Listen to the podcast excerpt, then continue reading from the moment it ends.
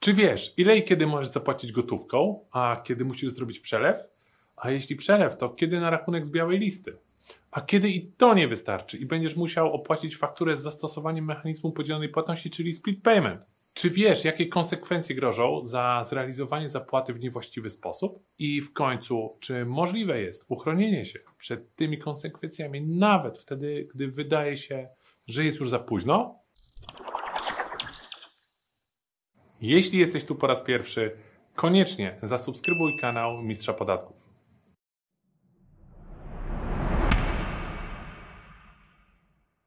Z tego filmu dowiesz się, kiedy możesz zapłacić gotówką, a kiedy musisz zrobić przelew, w jakich okolicznościach przelew musi być zrealizowany na rachunek bankowy Twojego kontrahenta, który widnieje w wykazie zwanym białą listą, kiedy dozwolona jest zapłata kartą, blikiem czy za pomocą płatności online, w jakich sytuacjach zapłata na rachunek z białej listy kartą, blikiem, płatnościami online nie będzie wystarczająca i będziesz mieć obowiązek opłacenia faktury z zastosowaniem mechanizmu podzielonej płatności, czyli split payment. I w końcu, jakie grożą Ci konsekwencje za nieprzestrzeganie tych zasad i jak się przed nimi uchronić, nawet wtedy, gdy wydaje się, że jest już za późno.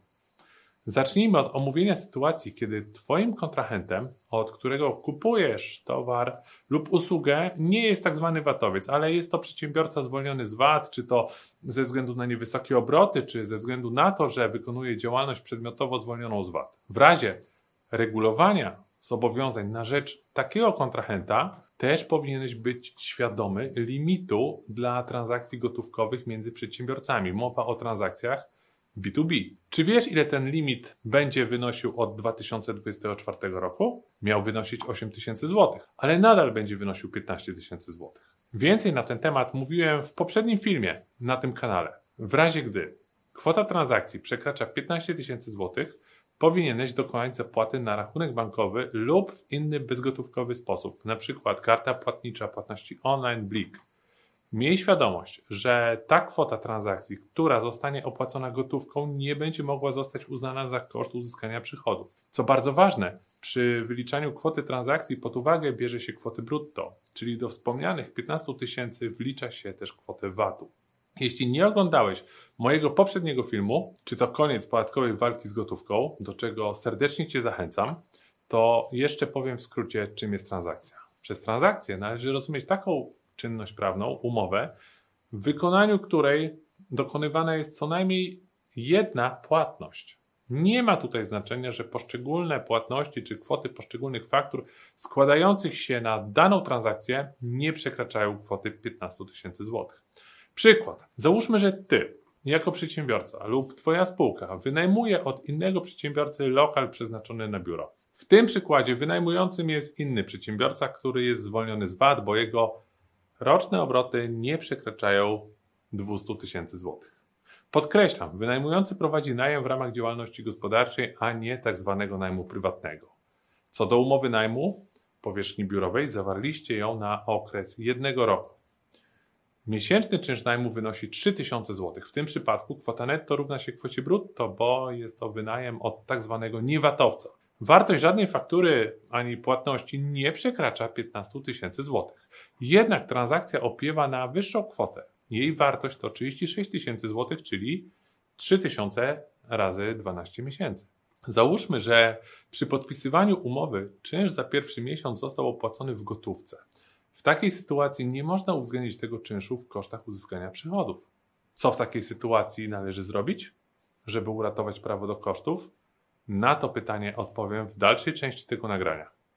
W tym miejscu zwrócę Twoją uwagę na bardzo istotną rzecz. Gdyby wynajmujący rozliczał najem w ramach najmu prywatnego, czyli byłaby to relacja C2B, a nie B2B, nawet gdyby wynajmujący był czynnym podatnikiem VAT, wtedy nie byłoby obowiązku opłacania czynszów na rachunek z białej listy. Czynsz opłacony gotówką mógłby stanowić koszt podatkowy przedsiębiorcy. Przy okazji, w tym miejscu przypomnę, że możesz za darmo pobrać nasz autorski kalkulator podatkowy. Kliknij link w opisie. Przejdźmy teraz do omówienia transakcji z tak zwanymi VAT-owcami, czyli mówiąc fachowo, z czynnymi podatnikami VAT. Jeśli od takiego przedsiębiorcy nabywasz towar lub usługę, a kwota transakcji przekracza 15 tysięcy złotych, już nie wystarczy tak po prostu zrobić przelew na rachunek bankowy.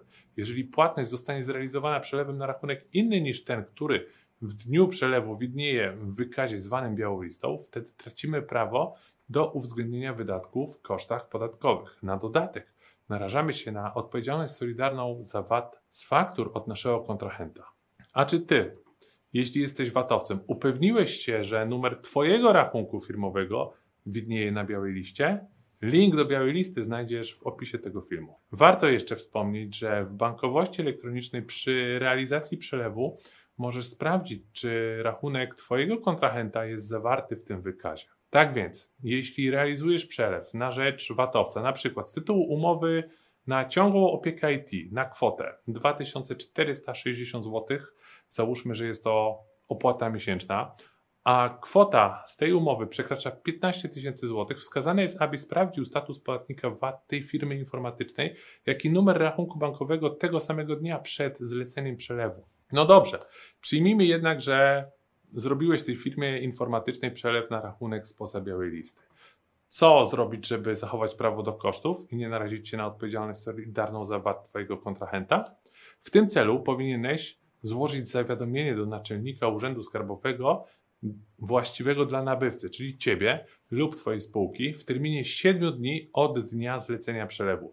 Zawiadomienie to składa się na formularzu ZAW-NR.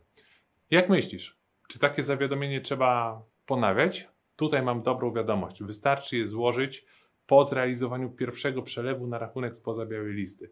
Nie trzeba tego zawiadomienia ponawiać przy każdej kolejnej płatności na ten sam rachunek. Niemniej, jeżeli faktura została opłacona na rachunek spoza białej listy, ale zastosowałeś mechanizm podzielonej płatności, split payment, czyli zrealizowałeś przelew podzielony, możliwe będzie zaliczenie wydatku do kosztów bez konieczności składania zawiadomienia do naczelnika Urzędu Skarbowego. Tak, split payment zwalnia z weryfikowania rachunku bankowego Twojego kontrahenta na białej liście. Napisz w komentarzu, czy Twoim zdaniem nie jest to zachęta do częstszego stosowania split paymentu.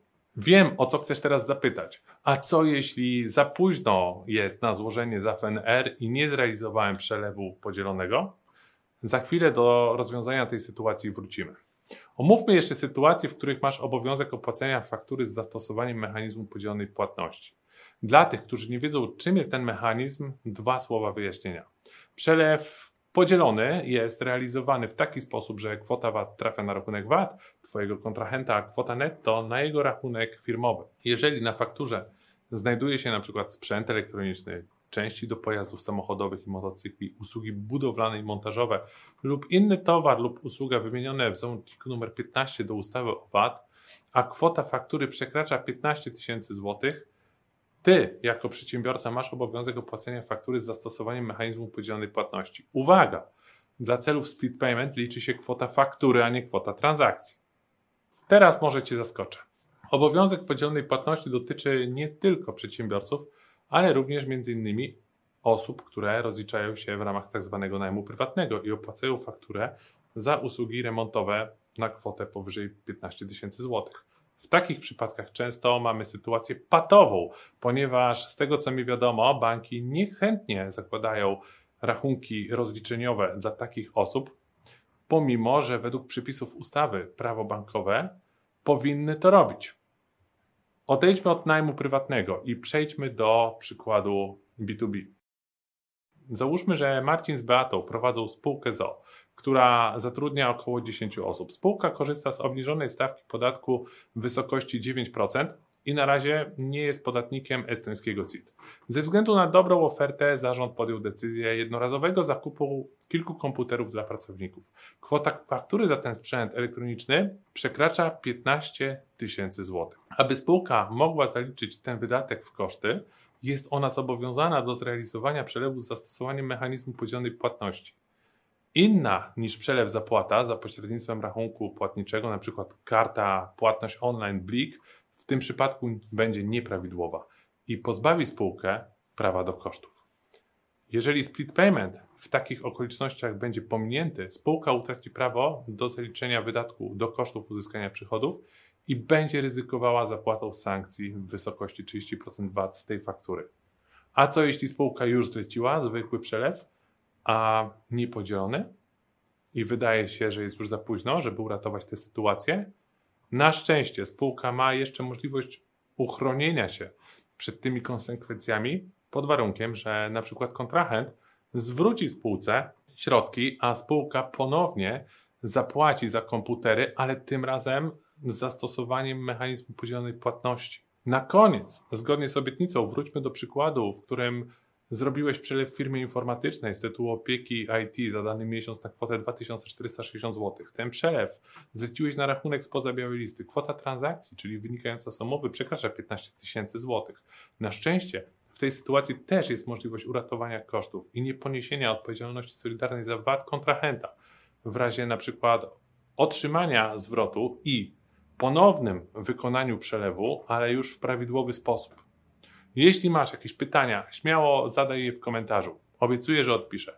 Dziękuję Ci za obejrzenie tego nagrania, a teraz przejdź do opisu i kliknij link, aby odebrać nasz darmowy kalkulator. Pozdrawiam Cię serdecznie. Marek Golec.